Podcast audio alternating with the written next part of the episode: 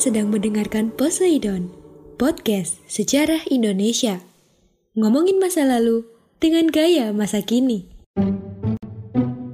Assalamualaikum warahmatullahi wabarakatuh Sobat masa lalu, apa kabar? Kembali lagi bersama saya Taufik Harpan Aldila Dan kalian mendengarkan podcast Sejarah Indonesia Hah, sudah lama sekali kiranya kita tidak bersua via suara karena ya kita masih berada di rumah aja gitu ya. Tetap patuhi protokol kesehatan yang sudah dianjurkan oleh pemerintah. Karena walaupun kita sekarang sudah mulai terbiasa dengan kebiasaan-kebiasaan baru, semoga ini menjadi salah satu ikhtiar kita yang ke depannya akan membuat kita menjadi uh, kuat gitu ya dan semoga pandemi ini cepat berlalu. Sobat masa lalu, kali ini kita akan ngebahas sebuah ironi tragedi yang terjadi di Banten. Karena bahasan ini akan fokus dalam pertikaian antara Banten dan juga VOC. Untuk teman-teman tetap stay tune di sana, kalian nggak boleh move on gitu kan, ngedengerin podcast dari kami, podcast secara Indonesia. Oke, kita masuk ke bahasannya. Oke teman-teman, Pergolakan antara Banten ini melawan VOC ini terjadi di abad ke-17 atau di tahun 1650-an. Dan disclaimer dulu ya, ketika itu Banten masih berupa kesultanan atau kerajaan Islam yang dipimpin kala itu oleh Sultan Ageng Tirtayasa melawan VOC. Dan bagi teman-teman yang belum tahu tentang VOC, VOC ini adalah kongsi dagang India Timur atau kepanjangannya adalah Verenigd Oost Indies Company Semoga nggak salah eja ya. Tapi itu fokusnya adalah untuk mengurusi perdagangan di wilayah Hindia Timur. Jadi itu adalah kongsi dagangnya Belanda.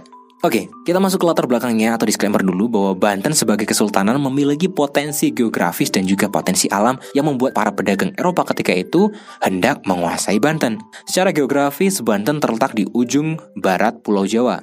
Yuk dibuka mapnya, coba kalian lihat. Nah, sudah ketemu kan wilayah Banten, di mana jalur perdagangan Nusantara ketika itu merupakan bagian dari jalur perdagangan Asia dan juga dunia. Selain itu, letaknya yang dekat dengan Selat Sunda ketika itu menjadikan Banten sebagai pelabuhan transit sekaligus pintu masuk ke Nusantara setelah Portugis mengambil alih Malaka ketika itu di tahun 1511. Jadi wilayah Malaka diambil alih Portugis kan nggak bisa lewat situ, akhirnya lewatnya Selat Sunda. Jadi wilayah Banten ketika itu sungguh sangat makmur. Nah potensi alam yang dimiliki Banten apa aja? Potensi alam yang dimiliki Banten ini ada lada dan juga ada perkebunan-perkebunan yang lainnya yang juga merupakan daya tarik tersendiri bagi para pelaut-pelaut Eropa ketika itu, di mana Banten adalah penghasil lada terbesar di wilayah Jawa Barat dan juga penghasil beras, membuat wilayah Banten akhirnya menjadi wilayah yang subur. Selain dari potensi alam dan juga geografis ketika itu, bahwa VOC kenapa melihat Banten itu sungguh seksi? Karena VOC ini memerlukan tempat yang cocok untuk apa? Dijadikan sebagai pusat pertemuan antara direktur-direktur VOC atau yang sering disebut dengan Heren Seventeen. Banten dipilih menjadi salah satu pusat pertemuan, di mana ketika itu pelabuhan, kantor-kantor, dan juga juga tempat-tempat vital yang lainnya dapat dibangun dan juga fasilitas-fasilitas lain itu dibangun untuk apa? Untuk menunjang pertemuan-pertemuan tersebut. Keamanan terjamin dan juga berfungsi dengan baik. Ya itulah untuk mencoba memaksimalkan wilayah Banten. Pengennya seperti itu ya VOC. Nah, hal inilah yang akhirnya apa? Membuat VOC di bawah pimpinan gubernur ketika itu namanya adalah Gubernur Johan Maet Suiker. Kita panggil aja Gubernur Johan hendak menguasai Banten. Perlu diketahui pada saat itu Sultan Ageng Tirtayasa ini berkuasa di tahun 16 1951 yang sudah saya kasih di awal tadi gitu ya. Sampai dengan 1682 VOC dipimpin oleh Yohan tadi, Gubernur Yohan tadi, yang memimpin ketika itu cukup lama, seperempat abad, yaitu selama 25 tahun lah kurang lebih seperti itu. Untuk menguasai Banten, langkah yang digunakan oleh VOC adalah dengan memblokade akses menuju Pelabuhan Banten dengan tujuan memperlemah sektor perekonomian Banten. Kapal-kapal asing yang hendak berdagang ataupun melintas di sana dicegat oleh Belanda. Inilah yang kemudian membuat sebel Sultan Ageng Tirtayasa yang akhirnya dia benar-benar mencanangkan sebuah perang total melawan VOC ketika itu. Tetapi VOC punya salah satu cara yang sungguh sangat licik yang akan kita bahas sungguh-sungguh luar biasa di bahasan kali ini adalah tentang politik divide ad impera atau politik adu domba. Politik inilah politik yang paling dibenci oleh orang-orang di Nusantara kala itu karena VOC dengan tipu muslihatnya sungguh sangat luar biasa banget. So nggak perlu berlama-lama lagi kita masuk ke jalannya perlawanan Banten terhadap VOC.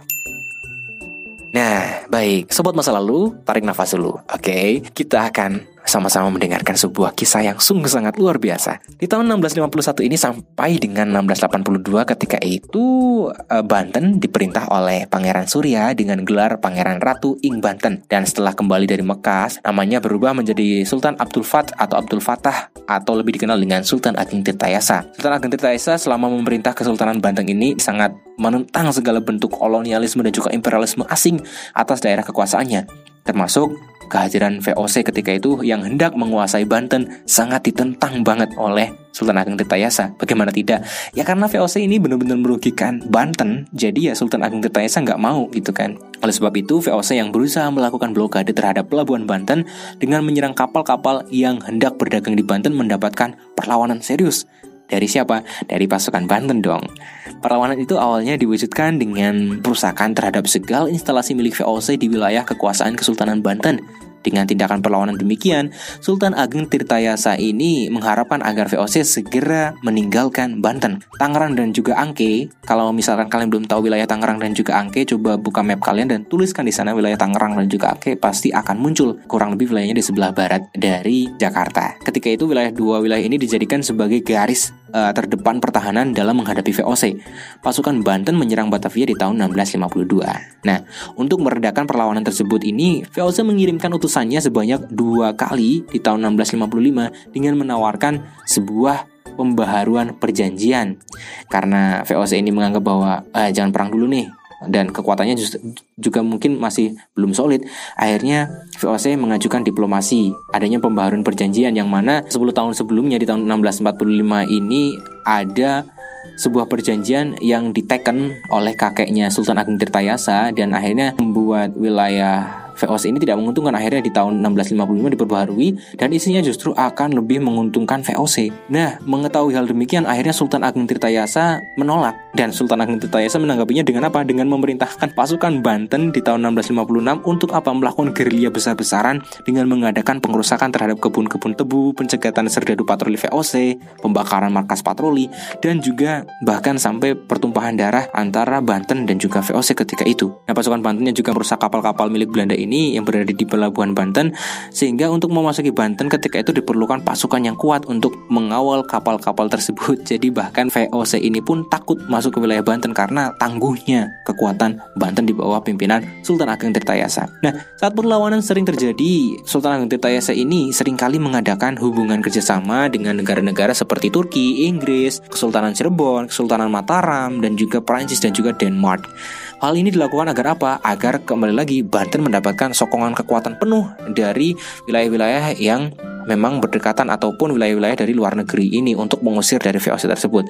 Tapi VOC pun tidak tinggal diam ya.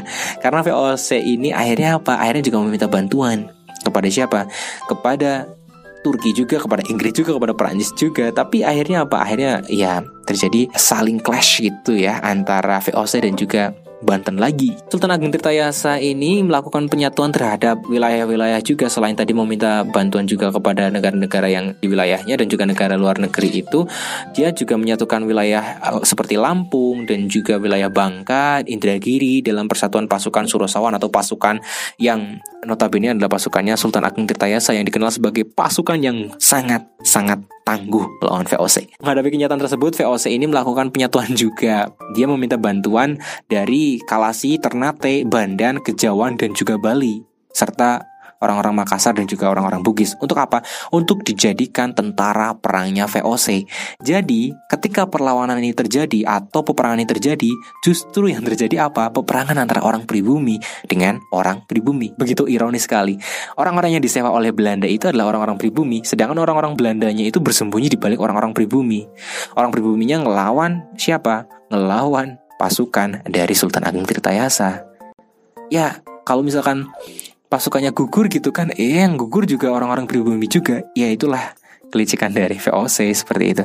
Nah, semakin kuatnya pasukan Banten ditambah dengan kurangnya persiapan VOC ketika itu menghadapi Banten karena sedang berperang juga ketika itu melawan, melawan Makassar, pemberontakan Makassar, membuat VOC pada sekitar bulan November tahun 1657 ketika itu melakukan penawaran gencatan senjata. Pertempuran antara Banten dan VOC ini sangat merugikan kedua belah pihak sebenarnya karena ya yang namanya perang nggak ada yang menguntungkan gitu ya. Semua pasti akan rugi baik dari finansial, perekonomian perekonomian, sosial dan juga politiknya pasti akan mendapatkan kerugian. Nah, gencatan senjata pun baru dapat dilakukan setelah utusan dari VOC dari Batavia mendatangi Sultan Ageng Tirtayasa pada tanggal 29 April 1658 dengan membawa rancangan perjanjian yang berisi 10 pasal. Tapi ketika setelah selesai membaca pasal tersebut, Sultan Agung mengajukan pasal pengganti atau dua pasal yang ingin direvisi oleh Sultan Ageng Tirtayasa ini. Sultan Ageng Tirtayasa ini mau banget agar dua pasal ini dimasukkan, tapi apa? Ditolak juga oleh VOC. Walhasil, mereka berperang kembali. Penolakan dari VOC inilah yang kemudian semakin membuat stigma atau pemikiran dari Sultan Ageng Tirtayasa ini bahwa orang-orang VOC ini memang sudah tidak punya etikat baik, sehingga jalan satu-satunya adalah dengan cara kekerasan, yaitu berperang. Oleh karena itulah Sultan Ageng ketika itu mencanangkan sebuah perang yang dinamakan Perang Sabil dengan terlebih dahulu ketika itu mengirimkan surat ke VOC di tanggal 11 Mei 1658. Peperangan ini berlangsung dari bulan Mei 1658 sampai dengan tanggal 10 Juli 1659. Pada dasarnya, perlawanan Banten terhadap VOC ini setelah adanya keinginan untuk melakukan gencatan senjata dipicu oleh salah satu utusan dari Sultan Ageng Tirtayasa yang dikirim untuk memata-matai langsung Belanda ketika itu. Nah, utusannya tersebut karena terpojok akhirnya membunuh orang Belanda. Nah ketahuanlah bahwa itu adalah orang-orang dari Banten. Akhirnya dibunuh juga nih utusan dari Sultan Ageng Tirtayasa Mengetahui harta tersebut Akhirnya keduanya sama-sama nggak terima. VOC atau Belanda ini juga melihat bahwa kok bisa orangnya saya dibunuh. Terus kemudian Sultan Ageng pun melihat bahwa kok orangnya saya juga dibunuh. Jadi mereka sama-sama berpikiran bahwa ah ini ini ini nggak bisa dibiarkan. Ini harus selesai dengan perang. Modelnya kayak gitu. Karena zaman dulu ya masih sangat kental sekali dengan peperangan gitu kan. Pada dasarnya perlawanan Banten ini terhadap VOC juga dilatar belakangi adanya apa ya ya ketidaksepahaman pemikiran bahwa menurut VOC Banten ini kolot gitu kan. Tapi menurut Banten pun dia mempertahankan wilayah nenek moyangnya, wilayahnya sendiri, hegemoni kekuasaannya sendiri di Banten gitu kan. Penyerangan yang dilakukan Banten ketika itu secara terus-menerus terhadap VOC membuat kedudukan VOC ini semakin terdesak sampai mendekati batas kota Batavia. Akhirnya VOC mengajukan gencatan senjata lagi kan Menyadari bahwa Banten akan menolak perjanjian gencatan tersebut Maka ketika itu VOC meminta bantuan Kepada siapa? Kepada Sultan Jambi untuk membujuk dari Sultan Ageng Tirta Yasa gitu ya. Akhirnya apa? Akhirnya oke okay lah Sultan Ageng Tirta Yasa mau untuk melaksanakan gencatan senjata dilakukan untuk apa? Dilakukan untuk mengkonsolidasi lagi kekuatan-kekuatannya Sultan Ageng Tirta Yasa apabila nanti VOC balas menyerang gitu kan. Ah, Sultan Ageng Tirta Yasa ini ketika masa jeda tersebut, masa senjata tersebut dilakukan untuk melakukan konsolidasi kekuatan di antaranya ketika itu menjalin hubungan dengan Inggris, Prancis, tadi Turki, Denmark dan seterusnya. Dengan tujuan apa? Dengan tujuan memperoleh bantuan senjata dan alutsista ya atau perlengkapan-perlengkapan perang. Selain itu, gencatan senjata ini VOC ini juga melakukan sebuah inisiasi pergerakan dari gencatan senjata ini agar apa? Agar mereka pun kemudian didukung lagi oleh beberapa kekuatan. Modelnya seperti itu. Nah, VOC ini menggunakan kesempatan tersebut untuk mempersulit kedudukan Banten. Caranya, cara yang dilakukan adalah dengan mengadakan kerjasama dengan Kesultanan Cirebon dan juga Kesultanan Mataram.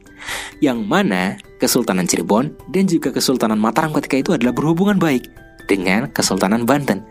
Tapi lagi-lagi ketika kita berbicara masalah politik dan juga perekonomian di sebuah negara, tidak ada sesuatu hal yang abadi dilihat bagaimana kemudian menguntungkan itulah yang akan kemudian diambil. Jadi ironis sekali bagaimana kemudian nanti Mataram dan juga Cirebon ini masuk di dalam kekuasaan VOC di tahun 1681. Nah, dengan Mataram dan juga di Cirebon di bawah kendali VOC maka posisi Banten ketika itu semakin terjepit karena Mataram dan juga Cirebon merupakan kesultanan yang yang tadi saya sudah bilang benar-benar memiliki hubungan erat dengan Banten gitu kan sekarang dia jadi musuh yang tadinya kawan gitu kan ya mau bagaimana lagi itulah uh, perang dan juga politik. Akhirnya apa? Di part kedua ini kita masuk di munculnya kembali perlawanan Banten terhadap politik adu domba VOC.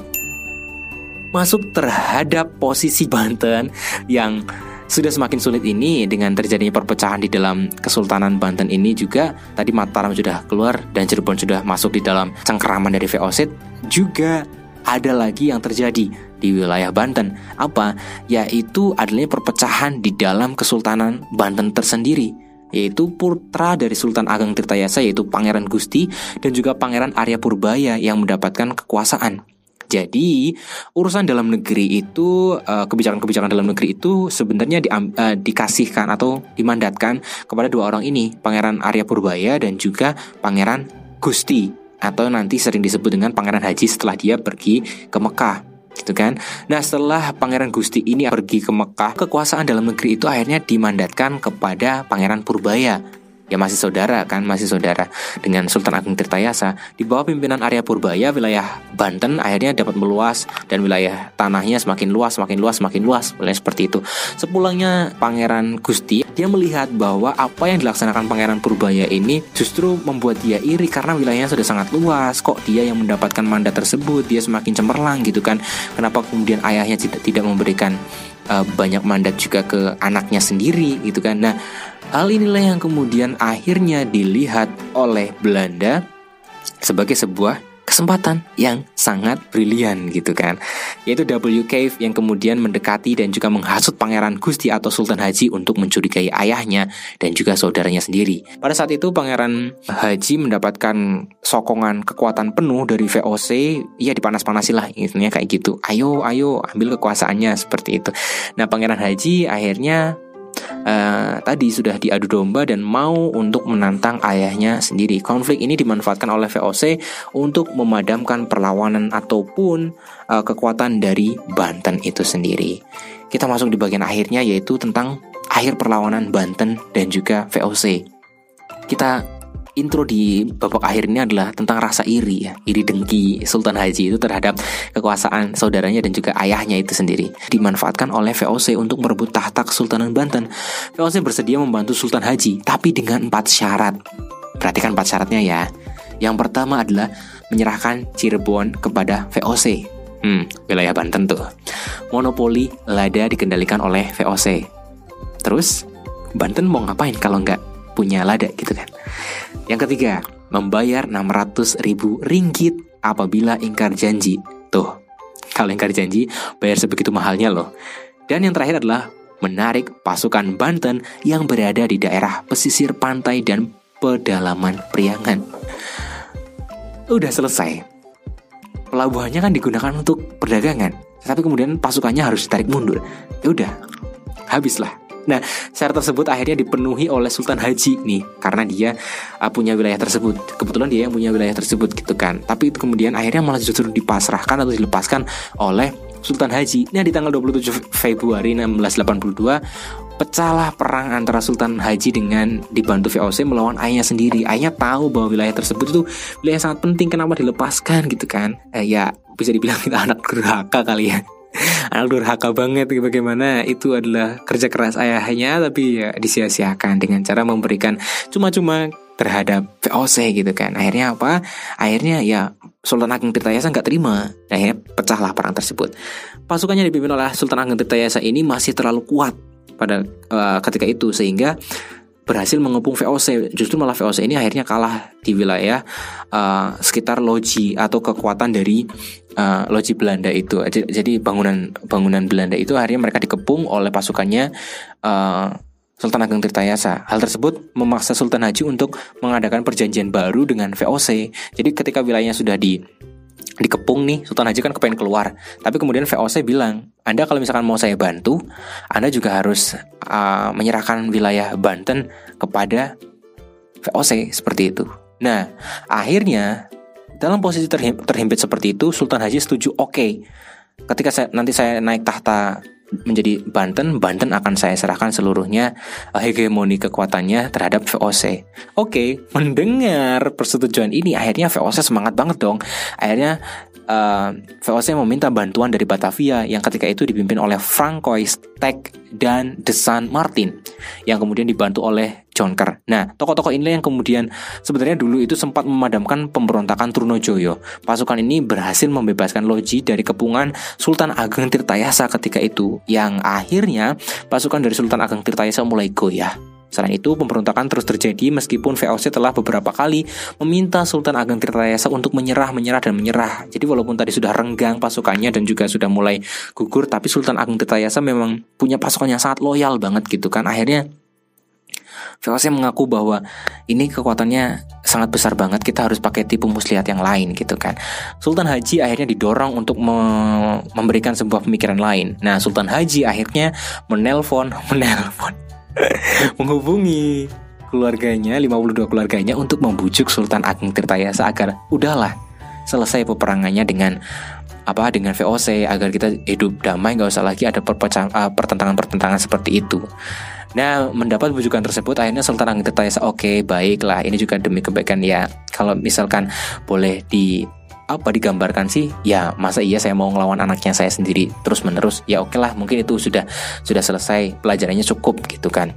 Eh di tengah jalan ketika iring-iringan pasukan tersebut ingin pulang kembali ke apa ke Kesultanan Banten dia dicegat oleh pasukan dari VOC yang mana juga di sana ada anaknya sendiri. Sultan Haji tersebut ikut gabung di dalam penyergapan tersebut. Ditangkaplah ayahnya, ditangkaplah Sultan Agung Tirtayasa dan kemudian di tahun 1692 ini Sultan Agung Tirtayasa akhirnya kemudian meninggal setelah lama akhirnya dipenjarakan. Sultan Haji sendiri akhirnya naik tahta ketika itu yang mana sesuai dengan perjanjiannya uh, akhirnya ditandatanganilah perjanjian dalam bahasa Belanda, Jawa dan juga Melayu yang berisi 10 pasal yang awal tadi diajukan dan perjanjian inilah yang kemudian menandai berakhirnya kekuasaan Kesultanan Banten dan dimulainya monopoli VOC atas Banten. Dengan demikian berakhirlah perlawanan Sultan Ageng Tirtayasa yang akhirnya tumbang oleh siapa? Oleh anaknya sendiri, gitu kan. Sungguh cerita yang sangat tragis, sungguh cerita yang sangat luar biasa. Dari sini kita bisa mendapat sebuah pembelajaran, uh, setidaknya ada dua dua pembelajaran yaitu dua dampak yang muncul, dampak positif dari perlawanan rakyat Banten terhadap VOC ini menyokong atau mendorong semangat juang untuk mengusir bangsa asing yang ketika itu muncul di beberapa wilayah-wilayah Nusantara. Jadi ini memberikan semangat yang penuh terhadap orang-orang pribumi untuk mengusir orang-orang VOC. Karena apa? Karena tidak sesuai dengan apa eh, budaya dari wilayahnya dan mereka ingin menang sendiri. Itu adalah positifnya. Dampak negatifnya apa? Dampak negatifnya adalah setelah benar-benar terjadi adu domba dan Sultan Haji tadi melepaskan wilayah Banten dan monopolinya diambil alih oleh VOC secara langsung, ini menandai bahwa ketika itu wilayah VOC semakin memperluas kekuasaannya di Nusantara. Oke baik sobat masa lalu ini sudah sangat panjang sekali bahasanya Semoga kalian mendapat inti dari pembelajaran sejarah kita dari bahasan sejarah kita di kesempatan kali ini. Kita akan ketemu lagi di bahasan selanjutnya. Tetap stay tune di podcast sejarah Indonesia ya, sobat masa lalu. Saya Taufik Harpan Aldila undur diri pamit dan sampai jumpa. Assalamualaikum warahmatullahi wabarakatuh. Terima kasih.